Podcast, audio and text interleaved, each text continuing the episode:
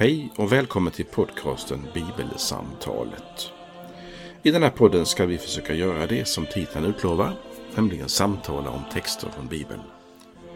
Vår tanke är att varje vecka dela ett samtal om den text från något av evangelierna i Nya Testamentet som är särskilt aktuell den kommande söndagen. Fokus är just samtalet. Kanske kan det inspirera fler till att samtala om bibeltexter. Välkommen att vara med i samtalet på något sätt. Vi som gör den här podden det är Fredrik Borglin, kommunister i Istorps pastorat och Karl Magnus Adrian, präst bland annat tidigare i just Istorps pastorat. Välkommen att vara med. Idag ska vi läsa och samtala om några verser i Markus 14 kapitel. Och det ska vi göra, vi ska ta sikte på Eh, kommande söndag. Andra söndagen i fastan. Överskriften är Den kämpande tron. Och jag ska läsa som sagt från Markus 14, verserna 3 till och med 9. Medan han var i Betania och låg till bords hemma hos Simon den spetälske kom en kvinna med en flaska dyrbar äkta nardusbalsam.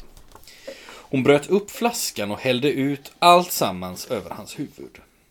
Några blev förargade och sade till varandra Vilket slöseri med balsam.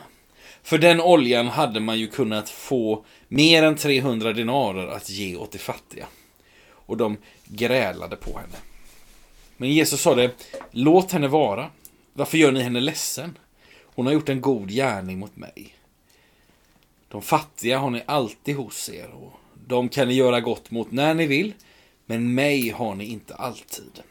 Hon har gjort vad hon kunde.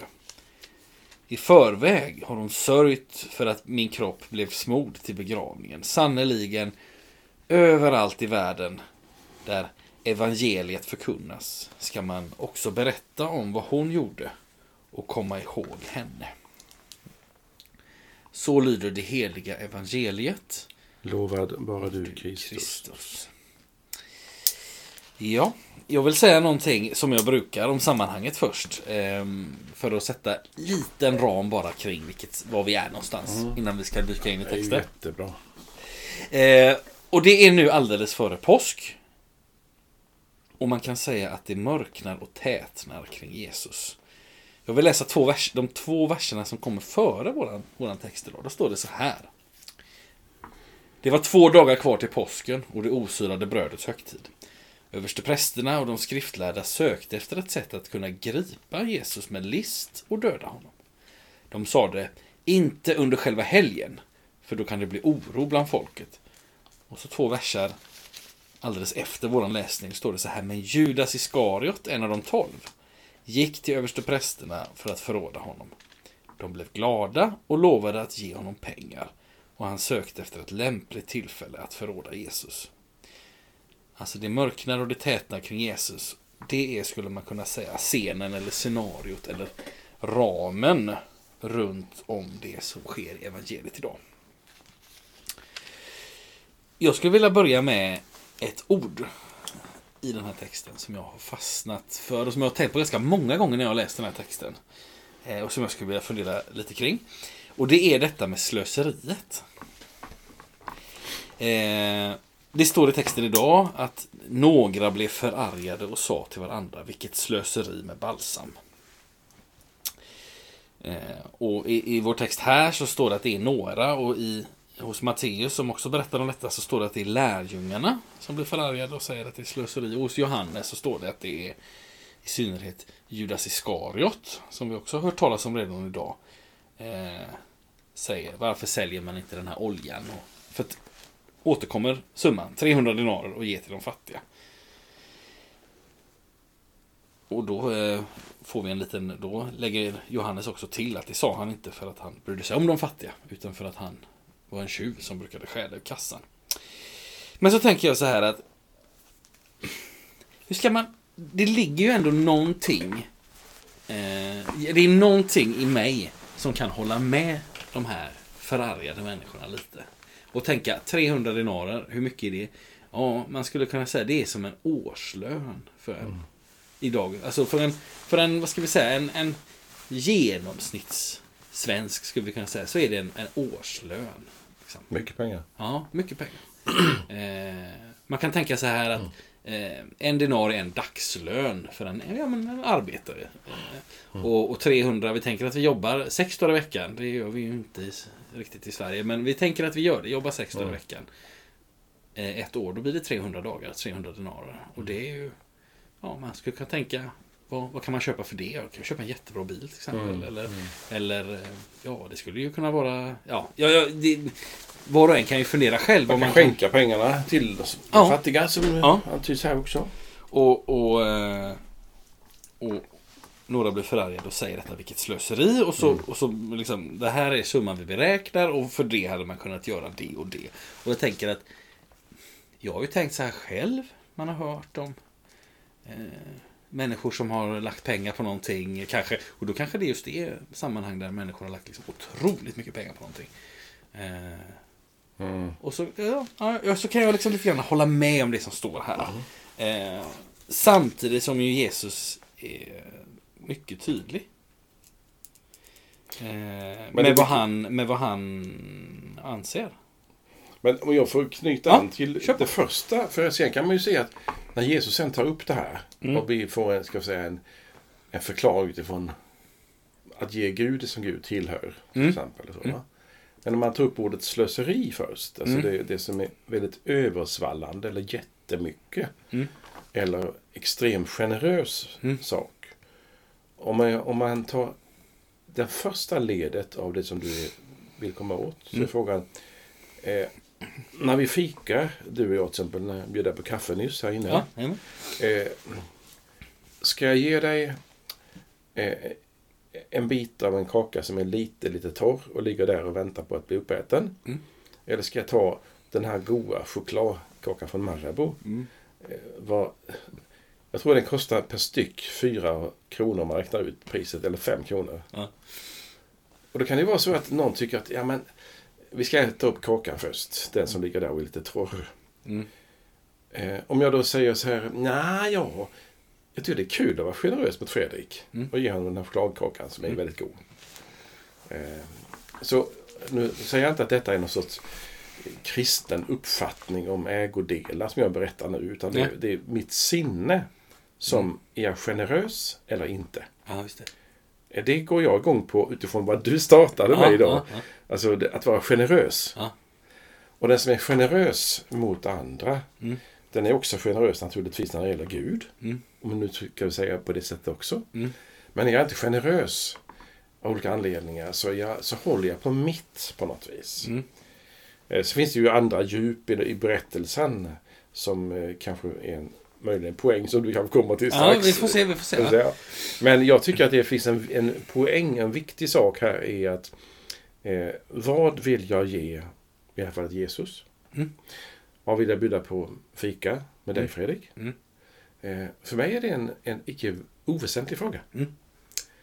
Eh, och då tror jag att om, om, om jag skulle hämta lärdom från det som Gud har gett mig och ger mig så skulle jag säga att Guds karaktär och personlighet är en extremt pers- generös personlighet. Mm. Eh, Han ger för mycket av allting. Och jag har bilder som jag har sagt någon gång till dig, för jag tycker om bilden själv. Jag är ju ingen extremt eh, biologiskt begåvad person, men jag kan ju... Mitt estetiska sinne och min njutning av det vackra är ganska stor. Mm. Och när man då ser våren, som vi inte upplever just nu, Nej, just men snart, Mm. så är det ju ett slöseri med färger. Mm. Och det är ett slöseri med nyanser av färgen grön. Mm. För att ta ett litet exempel. Medan en person som inte är generös skulle säga att det räcker med en grön nyans. Mm. Och så kan det vara brunt och så kan det vara gult. Mm. Men Gud, liksom, det finns ingen hejd på det Nej, just det. generösa. Det är helt omåttligt. Liksom. Helt omåttligt. Ja. Jag tycker att det finns en... Jag är glad för det. Jag tycker om det. Mm. Det var min... För jag, jag tänk, det jag tänker, eller liksom när vi pratar om detta med slöseriet och så, och den här på något sätt ändå rättmätiga, eh, rättmätiga, alltså åsikten, eller vad vi ska säga, det här uttalandet att men, vilket slöseri på något sätt. Så skulle jag säga att det som Jesus vänder sig mot, eh, så uppfattar jag det. Eller så tänker jag i alla fall att det är. Jag behöver inte liksom, öppen för andra tolkningar också. Det är att Jesus är mer intresserad av deras, deras motiv. Alltså om jag, om jag skulle då titta på mig själv så här så skulle jag tänka så här. Jag hör ju också till dem som har kritiserat någon annans slöseri. Jag hör ju också, Fredrik Borlin hör till dem som har kritiserat eller liksom lite av, varit kanske avundsjuk för att någon annan har gjort en god gärning eller visat en överlåtelse på något sätt. Mm. Jag har ju också varit en sån där som någon gång har varit mer intresserad av att kritisera än att bejaka. Eh, för ibland är det sådär liksom, det är frestande att man liksom, det är lättare att vara en, en, en avmätt kritiker än att vara liksom frimodig uppmuntrare av andra. Och det är det jag tänker händer i texten här. Att det, det handlar inte bara om den, det exakta värdet på det här balsamet. Och, och, eh, utan det handlar också om att, vänta nu här, här är någon som ger orimligt. Och jag gör inte det. Och då är det lättare för mig att kritisera och peka eh, än att faktiskt säga oj. För vi, vi, vet ju inte utifrån den här texten vem den här kvinnan är. Eh, det, det, finns ju lite, det kanske vi kommer in på det sen, att det, finns, att det finns paralleller. Ja, ja det finns det. Men det gör det ju. Men, men om, vi, om vi så att säga, och vi, vi, jag, jag, jag går gärna dit till dem. och vi får se om vi, om vi, om vi kommer dit. Annars, ja. ja. Men jag tänker så här, om vi, om vi, för nu stannar i den här texten. Så är så här, I nuläget så vet vi inte. Eh, och, och, och, jag skulle vilja också påstå så här, vi kan, kan se om, om du får gärna, du gärna komma med något som omkullkastar den tesen. Men även med Även när vi läser om de andra evangelisterna som berättar om den här, eller den här eller en liknande händelse så finns det ingenstans något tecken på att det här bara var en liten struntsumma. Det vill säga, även om vi tänker att det ja, ja. kan finnas en namngiven kvinna så, så är det här oändligt, orimligt mycket pengar. Det kan vi ju släppa och säga, så är det ju. Ja, ja men precis. Absolut. Men sen om denna kvinnan är till och med, som parallellstället antyder, en, mm. en, kvinna som är liksom föraktad och kanske ja. ser ner på för hon är en mm. kallad synderska. Mm. Alltså hon är, hon är i sig själv fel. Mm. Inte bara vad hon gör. Mm. Eh, och det, jag tycker det är intressant att ta upp redan nu i vårt samtal att om då en, en person som vi högaktar gör någonting som vi tycker är lite felaktigt. Mm. Så är det lättare att släppa igenom det. Mm. Men är det en person som vi inte tycker riktigt om. Ja, då är vi väldigt kritiska direkt. Mm. Och här är ju en kritik mot henne. Mm. Också i parallelltexten är det en kritik mot henne för hon är liksom fel. Mm. Plus att hon slösar med, med väldigt mycket pengar. Mm. Kastar ut då. Men om man, om man tänker fortfarande på att vi håller oss i vår text. Mm. Så är det slösaktiga det är ju att tänka att det är hennes olja. Och det skulle hon kunna antingen sälja och ge pengar till fattiga. Eller, vilket man väl tänker att hon har fått det av någon anledning. Det är väl hennes ägodelar som hon ger bort. Mm. Alltså det hon äger, det ger hon. Mm. Det är någonting annat än att än att liksom eh, vara generös med det som inte kostar mig någonting. Nej. Men här är det, hon är generös med det som kostar henne mycket. Och det gör respekten för hennes handling ännu större tycker jag. Att du är inte bara artig utan du, är, du ger av dig själv. Det gör, ger ännu mer vikt åt att det hon gör är väldigt, väldigt fint och stort. Alltså det ger respekt åt hennes handling. När vi, när vi anar vad det kostar henne och kostat henne att göra detta. Ehm, sen, vi kan, ja, om du har någon liksom linje i din disposition idag Fredrik, för det har du ibland när du inleder. Men eh, vi kommer ju sen fram till det som är temat, alltså den, den kämpande tron. Inte bara i det här fallet den här kvinnan som som vi tittar på lite speciellt mycket nu som, som gör det här. Utan kampen där en troende människa, alltså en, en, en människa som är, som är kristen, som tror på Jesus, mm. får kämpa för sin sak, för sin tro, för sin tillhörighet. Men vi kanske ska vänta med det lite, lite grann. Går jag för snabbt fram så kan nej, du nej, bromsa mig. Nej, ja. För det är ju också ett, det, är ju det tema som, som finns mm. idag. Eh, eh, de här berätt, den här berättelsen om om mannen, eh, antingen Simon som vi har som handlar om inom parallelltext. Mm. Eh, eller några som blev förargade. Om det sen är lärjungarna som du antydde. Mm. Eller det är någon viss person. Mm. så spelar det ingen roll. Eh, vi vet av vårt text idag att de, den som här kritiserar henne gör det därför att man kan ge det till fattiga. Och jag, skulle, jag blev väldigt, ska jag säga, skeptisk när jag läser de orden. För att Mm. det kan vara en tillrättaläggning av de personerna som egentligen bara är sura. Mm. Och när man är sur så säger man inte sitt verkliga motiv utan Nej. har man något väldigt motiv som är väldigt viktigt. Där. Oj, oj, oj, de fattiga kan ta emot detta. Medan egentligen så är mitt motiv Alltså, jag tycker inte om henne. Mm. Och när motivet är så lågt så tar man liksom en högre anledning att, att drämma till henne. Ja. De fattiga lider nu för att du inte gör detta som du borde gjort. Du sålt allt och gett till dem.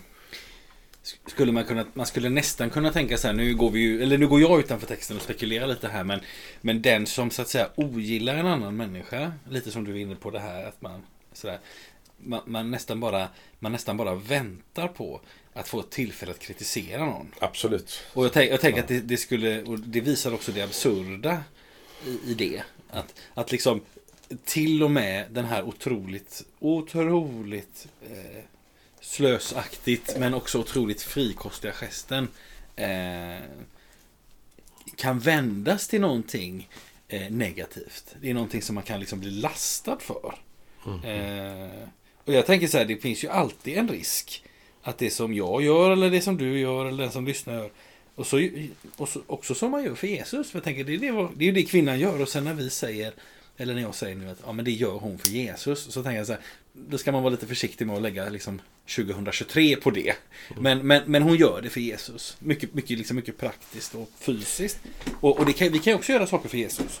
Eh, och det kan av andra uppfattas som slöseri med tid eller energi eller slöseri med ja, vad det nu kan vara. Och till och med om vi går med någon av parallelltexterna att det var lärjungarna som tyckte det var slöseri.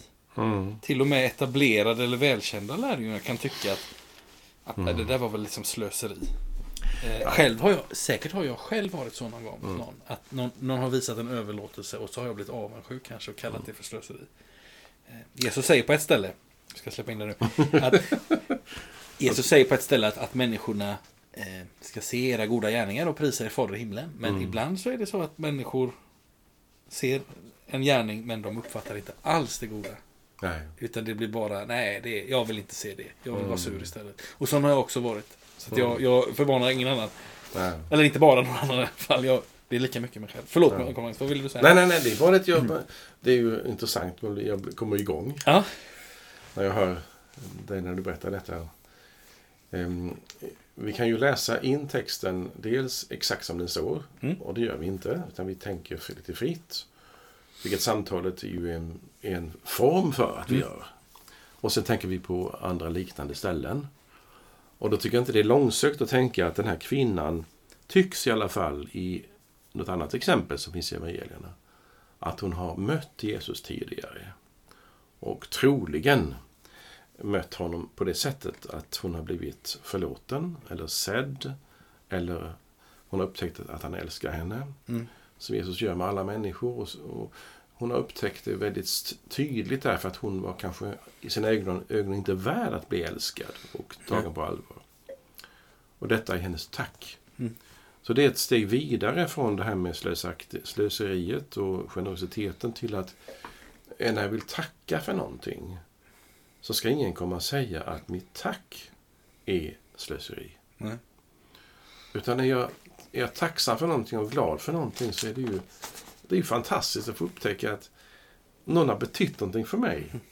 Om jag sen säger tack och faller dig om halsen och tackar för att du har gjort någonting för mig. Mm. Och någon säger det var väldigt vad du var på att ja, därför jag är så glad. Mm. Och det finns ju med i den här berättelsen när vi sen talar om tron och vad det innebär att följa Jesus som en lärjunge. Och vara glad över detta att få vara en lärjunge till Jesus. För då står ju vid sidan om står det ju människor, eller mitt eget, ja, mitt dumma jag, och säger att du ska inte vara så glad, du ska inte vara sån och inte sån, och inte sån och inte sån. Och så tänker man, ja, de har ju alldeles rätt i det. Jag ska inte, jag ska inte, liksom inte vara hög och glad nu, för att det är, det är så mycket ont i världen. Så att, ja. Men när kärleken som man har fått genererar en uppriktig glädje som är generös och tacksamhet.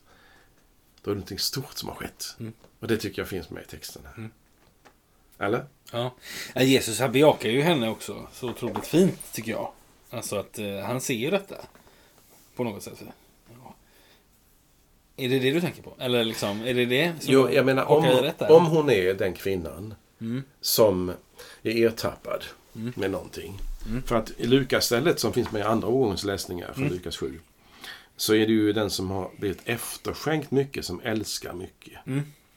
Och jag tycker inte det är fel att tänka att det finns ju liknande, ska jag säga, situationer eller det kommer fram olika saker i evangelierna där man upptäcker att den som får mycket förlåtet vill också ge mycket Mm. Ungefär som att eh, jag älskar därför någon älskar mig. Så Mm. är min kärlek ett svar på den kärlek jag Mm. tagit emot. Och jag ser kvinnan som en sådan person. Som har fått någonting och Mm. därför ger. För det som inte finns i vår text här, det är ju... det, du läste ju så här. Eh, det står så här bara att hon... Hemma hos en spetälska så kom det en kvinna med en flaska dyrbar äkta nardusbalsam. Bröt upp flaskan, öppnade alltså. Hällde ut. Det är allt vi vet. Mm. Och då kan man fråga, motivet då? Mm. Är det för att hon tyckte om? Hon ville... Vad, vad, vad, vet vi? Ja. Och då menar jag att då är det första som kommer för mig det är att hon gör detta för att hon är glad och hon är tacksam. Mm. Och därför är hennes, eh, som jag tycker om ett ord som heter bevekelsegrund. Oh, alltså vilken, vilken grund har hon för att göra detta? Och, och det ska man titta, tycker jag, på när vi tänker på, varandra, på våra medmänniskor, på dig och mig i det här fallet nu. Varför gör vi som det vi gör? Mm. Jo, men då finns en förklaring till det. Mm. Och tänk också på allt dumt vi gör. Mm. Så kan man ibland ha nytta av att fråga, men av vilken anledning gör du det? Mm. Aha! Och så får man liksom hjälp att förstå. Här är det en glädje och en tacksamhet som Mm. mynnar ut i att ge till Jesus. Och då frågar jag kvinnan, varför är du så glad? Mm. Varför är du så generös? Varför Mm. tar du det finaste du har och så ger Ja. du till Jesus? Just det. Då är det inte bara vad slösaktig hon är, utan hon är så tacksam för någonting. Och där tror jag att vi kan, utan att göra våld på, på evangeliernas berättelse, säga hon är glad för att hon har mött Jesus. Och jag tror att det är hon som har blivit förlåten, Mm. befriad och upptäckt att någon älskar henne. Mm. Alltså de här människorna som ibland i evangelierna kallas för tullindrivare och syndare. Mm. De kommer till Jesus. Det är Lukas 15 som ju innehåller många berättelser om just den, hur den förlorade, hur den utanför Just det, stående just det. upptäcker Mynt och son, och, och blir väldigt glad. Just det. Ja. Tycker du att det är långsökt? Nej, nej, och jag, jag håller med dig om att, att i det här, alltså hennes bevekelsegrund får vi ingen, eh, får vi ju inget motiv till. Eh, i texten här. Det enda som sägs om varför det här sker, alltså Jesus bejakar ju henne och säger hon har gjort en god gärning. Och så säger han också att jag eh, i förväg har hon sörjt för att min kropp blir smord till begravningen. Och det, tänker jag, det, är också en, det, är också ett, eh, det är också ett motiv här i. Det, det är hen, Ja. Jesus svar. Ja, det är Jesus Det har inte hon sagt. nej, nej, det har inte hon sagt. Nej, nej. Och vi vet heller inte hur mycket hon vet. Mm. Eh, det kan man ju också fundera på. Vet hon vad hon gör? Alltså i, för skulle du, du lyfter fram eh, Lukas-parallellen i, i Lukas 7 som är ett Mm. ganska annorlunda sammanhang. Och, eh, och, och, och där är ju motivet, nej men hon, hon, hon har fått mycket förlåtet. Hon visar stor kärlek. Men finns det andra bevekelsegrunder än den? Skulle du tro det? Eh, Varför ger hon detta till Jesus? Ja, alltså. Man kan ju fundera på det, det som Jesus uttalar. Hon har smort mig till min begravning. Är det så att säga. Är det någonting hon vet om? För Det, jag- det tror inte jag. Nej, det tror inte du. Och, och det har jag laborerat med. Och så har jag tänkt så Tror, här. du, tror du det? Gick hon in där och så sa hon så här. Nu ska jag smörja Jesus inför hans begravning. Nej, säger jag. Lite, lite allt för kaxigt. Ja, det är helt okej. Men då vill, jag, då vill jag argumentera för min sak. Och nu, jag ska säga så här. Jag, jag har, jag har, jag, jag, skulle, jag ska inte, jag svarar inte ett tydligt ja på detta. Men jag skulle ändå vilja pröva argumentera för saken. Eh, och det är vi i Markus 14 nu. Eh, vi vet utifrån den här ramen att det är nära påsk. Jesus har talat om sitt lidande flera gånger. Eh, och så vidare. Eh, det vill säga lärjungarna vet på något plan vad det är som kommer att hända. Alltså sen om de tar emot det eller inte och kan acceptera det.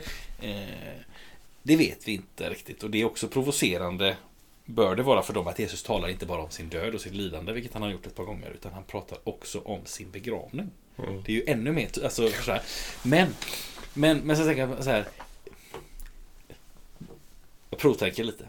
Det, kan, så det finns ju en yttre krets av lärjungar och, och, människor som, män och kvinnor som följde Jesus. Som mm. inte är de tolv närmsta utan en yttre krets. Liksom. Mm. De som mm. Lukas kallar de 72 och så andra människor också som vi ja, som vi kan känna till något om men inte vet så jättemycket om exakt vilka och hur många. Och eh, de bör ju också ha hört någonting om Jesu lidande.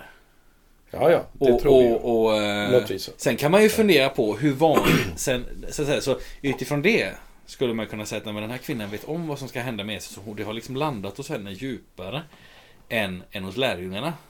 Aha, och, och hon, hon är undantaget. Och hon har förstått någonting som lärjungarna inte har förstått. Men då vill jag säga, det som talar det är kanske en av många saker som talar emot det är hur vanligt var, alltså hur vanligt var det att man smorde en kropp före begravningen? Det var ju nej, förmodligen nej. 100% ovanligt. Absolut. Så att om, men så, så här, jag, jag stannar där och säger att om det är så, så man kan säga så här. Hon, hon drar konsekvenserna av, av att hon har förstått någonting som de andra lärjungarna inte riktigt har förstått. Mm. Eh, och så gör hon något väldigt, väldigt oväntat. Hon smörjer kroppen innan begravningen.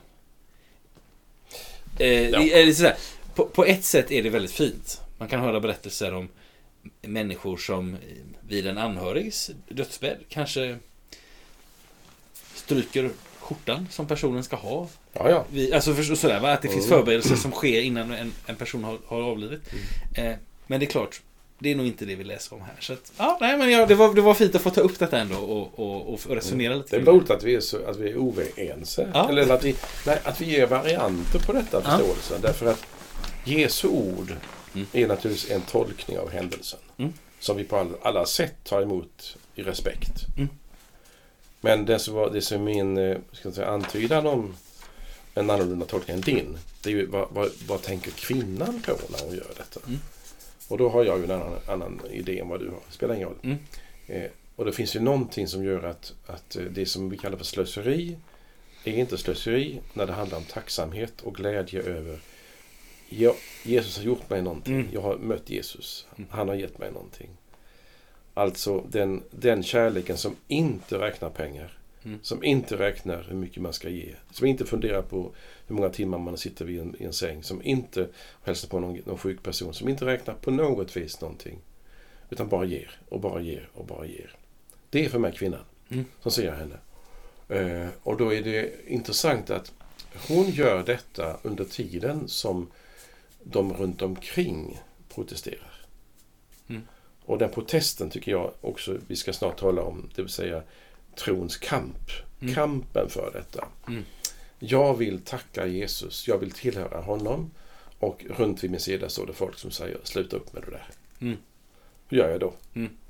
Och då menar jag, då är man inte kaxig i det här läget. Så kvinnan är ju hon är ju underläge. Det är ju några, eller lärjungar, eller mm. många, eller Simon, som kritiserar henne. Mm. Så att hon, hon är utsatt för kritik i det hon mm. gör. Vilken, vilken av berättelsen vi än väljer från evangelierna så är hon mm. utsatt för kritik. Ja. Och hon fortsätter och gör det ändå. Jesus tar emot det, berömmer henne och säger att det här ska berättas om henne. Mm. Även efter min död och uppståndelse. Just det. Det tycker jag är häftigt med, med det, de orden. Alltså, och jag tänker på, för du sa så här, jag gillar ordet bevekelsegrund. Och om, jag får ta, om jag får bara resonera runt ett annat ord kopplat till det du säger. Alltså ordet bejakad. Mm. Så hon är bejakad av Jesus. Den här, ors, den här för oss okända kvinnan som kommer och gör det hon gör. Så blir hon klandrad som du, mycket, alltså som du lyfter fram. Och så visar det sig att hon i själva verket har en mycket central och viktig roll. Det vill säga Jesus, han, han liksom så att säga ger inte bara en, en tolkning. Nu sätter jag upp två, två fingrar här som den lyssnande inte kan se. Men Jesus inte bara ger en tolkning av vad som sker, utan han ger den rätta förklaringen till vad det är som händer här. Um, han kan både tala om sin, sitt lidande och sin död på ett ännu mer tydligt sätt genom att tala om sin begravning. Och han ger den så att säga rätta lösningen till vad det är hon pysslar med. Medveten eller omedveten. Så att säga. Eh, faktum är att hennes slöseri då, om jag nu säger detta inom situationstecken, att det bejakas väldigt tydligt. Sannerligen överallt i världen där evangeliet förkunnas ska man också berätta vad hon gjorde och komma ihåg henne. Mm. Eh, Jesus bejakar ju många människor på många ställen. Mm. Eh, och det här måste nästan vara, tycker jag, något av de allra starkaste ställena. Jesus, jag tänker så här, Jesus Mm. säger vid något tillfälle till, till Marta och Maria. Han är hemma hos dem. Eh, kanske är det Maria som är den här kvinnan eh, som smörjer. Så säger han så här, Marta hon klandrar sin syster. Herre, bryr du dig inte om att jag får liksom fixa med allting Mm. hemma? Och så Maria sitter bara och lyssnar på Jesus. Och då säger Jesus så här, Maria har valt det som är bäst. Alltså det är också ett väldigt bejakande. Mm. Vad de säger. Eller, Jesus kan också säga till en, till en skriftlärd så här, nej men du har inte långt till Guds rike. Alltså, när, när jag får ett bra svar på en fråga. Mm. Men, men, och det finns många andra exempel också. Men det här är, tycker jag, så starkt att, att liksom så här, överallt i världen där evangeliet förkunnas. Och då är det, jag så här, då har ju verkligen den här texten, pang, hittat rakt in i vår situation nu. För att... För, för att liksom, men det är som att Jesus faktiskt talar om att du och jag sitter här och pratar nu. Eh, han talar om att ja, men överallt där evangeliet förkunnas, eller där, man liksom, där det här lyfts fram på något sätt, Okej. vilket vi ju gör nu. Ja, ja. Men då skulle jag, vilja- ja, naturligtvis håller jag med dig till 100 procent. Eh, jag skulle vilja ha hennes namn. Mm. Nu är hon kvinnan. Mm. Eh, ta Josef från Arimathea. Mm. Som upplåter sin grav till Jesus. Mm. Och är med på begravningen. Mm. Vilket vi inte vet om lärjungarna är. Nej. Medan kvinnan är med. Eh, han är nämnd Mm. ju i alla berättelser. Mm. Eller i många berättelser i alla fall. Som den som gjorde någonting för Jesus Mm. med hans kropp. Mm.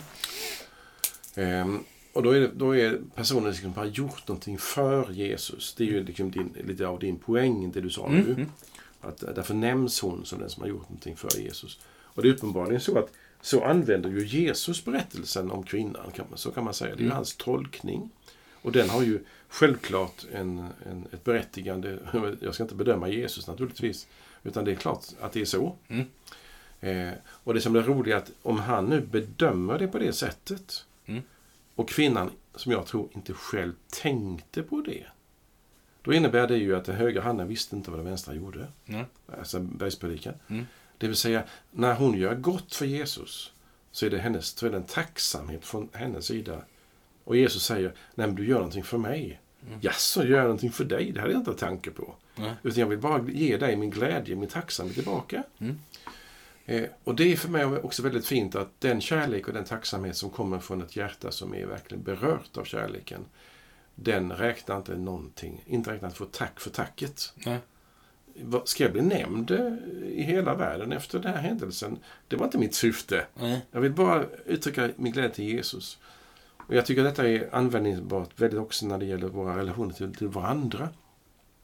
Är jag så att jag spelar ett spel med folk, gör för att få, Mm. ger för att få, eh, är generös för att få tillbaka. Och då måste jag säga, ja, sådana är vi människor. Mm. Och här är en kvinna som bara ger. Ja. Och på det sättet är hon ett, ett föredöme för mig på ett annat sätt också. Förutom det här som vi talar om nu. Mm. Och det är denna generösa människa som ger. Och då tycker jag att det finns en, en koppling till Lukas-texten om, om kvinnan som får mycket förlåtet. Mm. Som därför bara ger och ger och ger. Det tycker jag mycket om. Ska vi, för jag tänker, så att säga, jag tänker att vi ska gå in på detta, men du, du adresserade lite att du ville liksom föra in samtalet på kampen. Absolut. Ska vi, ska vi bara säga någonting om de här olika va- varianterna eh, Ja. av kvinnan? Eller ska jag vi, eller jag ska är vi gå rädd för att det tar för lång tid. Ja, det finns en Men risk du, för du hade en tanke om det? Får, jag- får jag säga, Gör det. får jag ge dig två Ja, minuter? ja, ja, ja. Då vill jag... Nu är det många trådar här. Det som du säger, att ge och ge och ge. Jag vill först koppla det till en annan sak som Jesus och lärjungarna har varit med om nyligen, innan. Ett och ett halvt kapitel innan det vi läser om idag. Mm. Så är Jesus vid tempelkistan och så ser han kvinnan som ger Just det. de få örena och så prisar han det givandet. Mm. Det är slutet på kapitel 12 i Markus.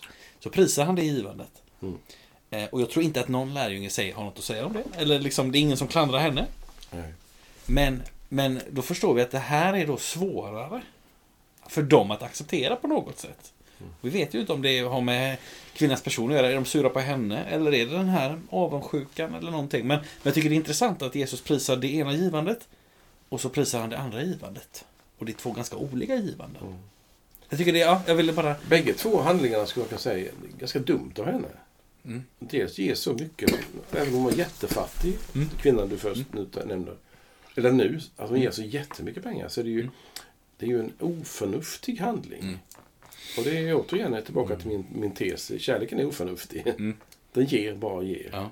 Och eh, hon som offrar vill ju offra någonting för Gud. Mm. Därför ger hon jättemycket. Mer än de andra, Ja. säger Jesus. Som har gett i pengar mer Ja. än hon. Ja. det är kul. Jag, jag, jag, liksom, jag tänker någon slags så här eh, fiktiv situation. Att, att du kommer till mig kommer och så säger du, du ja, det är lite knapert hemma. Skulle jag kunna få låna en 500 Mm. Så säger jag att ja, det kan du få göra så. Så kommer du till mig dagen efter och frågar eh, Skulle jag kunna få låna en 500 till? Ja, men fick du det igår? Ja, men jag går bort dem till den person som behövde det. Alltså det är så här, det, det är någonstans så här Jaha, så du gav bort det? Det var ju inte så smart. Nej, och det är inte, kvinnan är inte den Nej. andra där heller. Och Nej. det är inte det som vi ska vara framför. Nej. Men, innan vi går in på kampen. Jag, jag tänkte det kunde vara, jag, jag tittade på de här fyra olika. För alla evangelier eh, talar om att Jesus smörjs med balsam. Mm. I något, och jag bara säga kort om det. Nu är vi hos Markus. Det är två dagar kvar till påsken. Det är Betania. Hemma hos Simon den spetälske. Och det är ett nardusbalsam. Och så finns det ett motiv och det är begravningen. Och kvinnan häller över huvudet. Så. Ja. Och sen så kan man läsa i Matteus och då är det väldigt likt. Också vad det verkar, två dagar kvar till påsken. Det är Betania, det är Simon den spetälske. Det är ett balsam, det står inte nardusbalsam, men det är ett balsam. Mm. Motivet är begravningen och kvinnan häller över huvudet. Mm. Mm. Sen går vi till Johannes. Då är det också väldigt likt. Det är sex dagar före påsk. Det är Betania. Och så står det så här att det är Betania, byn där Lazarus bor. Det står att Marta, Lazarus syster, är där och passar upp. Eh, och Lazarus var en av dem som låg till bords. Och Maria namnges då, den andra. Så det är Marta, Maria och Lazarus, tre syskon. Som är väldigt viktiga i Johannes evangeliet. De är med mycket. Och Maria hon namnges som den som smörjer Jesus med det här balsamet. Det står att det är ett nardusbalsam. Motivet är begravningen. Och så nämns faktiskt fötterna nämns särskilt. Plus att hon torkade dem med sitt hår. Mm, alltså det är just lite. Och det är också Johannes som berättar att Jesus tvättar fötter. Men nu kommer den, den version som är mest olik. Eh, som vi har varit inne på också, Lukas. Jag uppfattar det som att Lukas nästan tycks berätta om ett annat smörjande. Alltså det är långt tidigare. Det är början av Jesu verksamhet. Mm. Eh, han är hemma hos en farisé som heter Simon. Det är ju intressant att det är... Eh, och det, så det skulle kunna vara något som binder ihop, eh, binder ihop alla fyra. För även om det står i Johannes att, att Lazarus är med och, och Marta och Maria är där, behöver inte det betyda att det är hemma hos dem. Eh, och eh, Så det är lång, hos Lukas är det långt tidigare, det är början av Jesu verksamhet. Eh, och så står det så här att det är en kvinna i staden som var en synderska. Och sen så, den som vill kan läsa i Lukas 7. Eh, mycket fint. Och där är det mer, där verkar det vara mera den här farisén Simon som klandrar kvinnan. Att han säger något sånt där i stil med att hade den där mannen, alltså Jesus, varit en profet så hade han vetat vad det var för en kvinna som gör detta och så vidare. Eh, och motivet där handlar ju mer om hon har fått mycket förlåtet. Hon visar stor kärlek. Mm. Så att säga. Och det, det är ju ingenting som skrivs ut hos de andra. Så att säga. Jag tycker det är bra att du ger de här eh, allt, eh, kommentarerna kring andra texter som liknar den här. Mm. Det sätter in det i ett sammanhang där vi, där vi läser liksom Bibeln horisontellt. Mm, just det. Mycket bra. Ja, tack så mycket. Eh, men du, kampen nu. Vad Ja. Eh, man kan säga så här att utifrån det samtal vi för om kvinnan och Jesus här Mm. eh, så är kampen inte tydliggjord Nej. mer än antydningsvis. Mm. Eh, I Lukasstället som finns med i andra omgången så är kampen lite tydligare Mm. eh, ty- gjord. Och i kr- kringtexterna för idag, både tredje årgången och tidigare årgångar, Mm. så är kampen ganska tydlig. Alltså att det finns någonting i trons liv som... Det finns ett motstånd mot tron. Mm. Eh, och jag tror att det är en viktig del av att när vi talar om kristen tro så, så är det ibland så att vi, jag säga, vi vill liksom bena upp ordet tro och säga att när, när jag var tonåring så trodde jag ju in, inte på Gud, för det behövs ju inte. Men sen insåg jag att det finns en del saker som är, som är väldigt bra med, med, med kristen tro och så. så att jag började bli troende och sen så började jag tänka på det och det och det och det. Och nu tycker jag att det finns ju mycket som, som talar för, mer som talar för tron än, än som talar mot tron. Och så väger man fram och tillbaka. Och man resonerar, alltså det finns en intellektuellt drag i det jag nu, just nu tar fram som ett exempel. Och jag menar inte all, alls att det jag säger nu är, det typiska för trons utveckling och mognad. Men det är inte ovanligt, tror jag. Det andra är att det är någonting som har berört mig och berör mig på något sätt. Eh, Det vill säga, jag kan inte låta bli att tro. Jag har inte valt den bästa vägen, den lättaste vägen eller det smartaste sättet, utan jag har fått detta. Eh, det som är likhetstecken för mig med den typen av, av trostankar som jag har just nu, det är vad händer när jag träffar en människa som jag tycker om? Eh, ja, vi kan tänka på allt ifrån förälskelse som ju finns hos en del människor ibland. Jag tycker om någon och det bara finns där. Eh, och så utifrån det ska man så att säga försvara någonting. Ehm, och då märker vi att det finns mycket delar av det viktigaste i livet där jag inte kan försvara riktigt anledningen. Och om jag nu tar min gamla tes från början av det här programmet, så, med den här kvinnan som är tacksam över att hon blivit förlåten. Mm. Eh, och ni vet, ni som lyssnar på detta, att det, det är möjligt att det är så här. Det är inte säkert. Ja. Möjligt så. så är grejen att hon är tacksam över någonting. Och då står det fra- framför mig en person som säger Jag försvarar ingenting. Ungefär som den här mannen ni vet som blev botad. Jaså, är du botad av Jesus? Han som är en, en falsk lärare. Mm. Om det vet jag ingenting, säger den här mannen. Jag vet bara att han har botat mig. Alltså den, Ja. det tycker jag om. Ja. Inte bara det, ja, jag har gått igenom alla religioner som finns i världen och upptäckt att kristendomen har 51% mer trovärdighet än alla de andra. Nej. Nej, jag, jag, man kan ju resonera sig fram på olika sätt. Utan det är någonting som har hänt mig och som berör mig och som är avgörande för mig i mitt liv. Och när det blir kritiserat, Mm. då kan jag inte försvara mig. Nej. Och det är en poäng. Mm. Alltså när tron blir kritiserad så kan jag inte försvara den. Men om någon skulle kritisera kristen tro och jag skulle så att säga samtala med en person så skulle jag hitta argument för kristen tro. Jag skulle kanske kunna gå tillbaka till skriften, till vår, vår kyrkas tradition, till kyrkomöten, till, till trosbekännelserna och ge belägg för att det jag tror är inte dumt. Alltså, det är inte oförnuftigt det jag tror på. Det skulle jag gärna kunna göra. Eh, Men det är inte huvudsaken. Men det är en viktig del. Och det tar Paulus också upp. Att vi ska ge skäl för vår tro. Absolut. Men när tron blir emotsagd, alltså kritiserad, då är det ska jag säga, ett sätt att, att, att det, det är trons kännetecken också. Mm. Och mot det kan jag inte alltid värja mig. Ja. Utan då kan jag säga, han som sa till mig, gå, du är botad, honom litar jag på. Eh, Det tycker jag om. Och det finns ju någonting då med trons kamp. Mm. Där man vet att, Gud, om du inte rycker in och hjälper mig här, så kan jag inte, jag vet inte hur jag ska klara av den här som jag står inför nu. Därför att det är själva grunden för mitt liv som står på spel. Mm. Finns du, finns du inte? Älskar du mig, älskar du mig inte? Hjälper du mig, hjälper du mig inte? Finns det en framtid eller inte för mig? I den kampen så är man ju mycket, mycket liten som människa. Mm. Då har man inte många verktyg kvar. Nej. Och det finns någonting. När man läser berättelsen om Jakob som brottas med Gud, som är en av texterna på första årgången, så märker man att, att Jakob eh, kan bara liksom kämpa vidare. Han Mm. vet inte vem, vad det handlar om riktigt. Han har inte koll på läget riktigt. Och ändå så fortsätter han naturligtvis. Därför att han vet någonting som jag håller på med är viktigare Ja. än motståndet. Och det som jag tycker är, alltså, eh, när vi nu läser den här Markus 14-texten, eh, och det är överskriften i den kämpande tron, tänker jag. Det är också lite smärtsamt. Eller, jag vill inte säga lite smärtsamt. Man kan, man kan hitta en smärta i att eh, temat i den här texten inte är ja, jag, jag var ute och rörde på mig någonstans långt borta och där fick jag minsann kämpa men sen kom jag till Jesus och hans vänner och då var allting bra igen. Nej, utan här är ju verkligen kampen eh, eh, det är lär, man man får säga så, det är lärjungarna som står i vägen.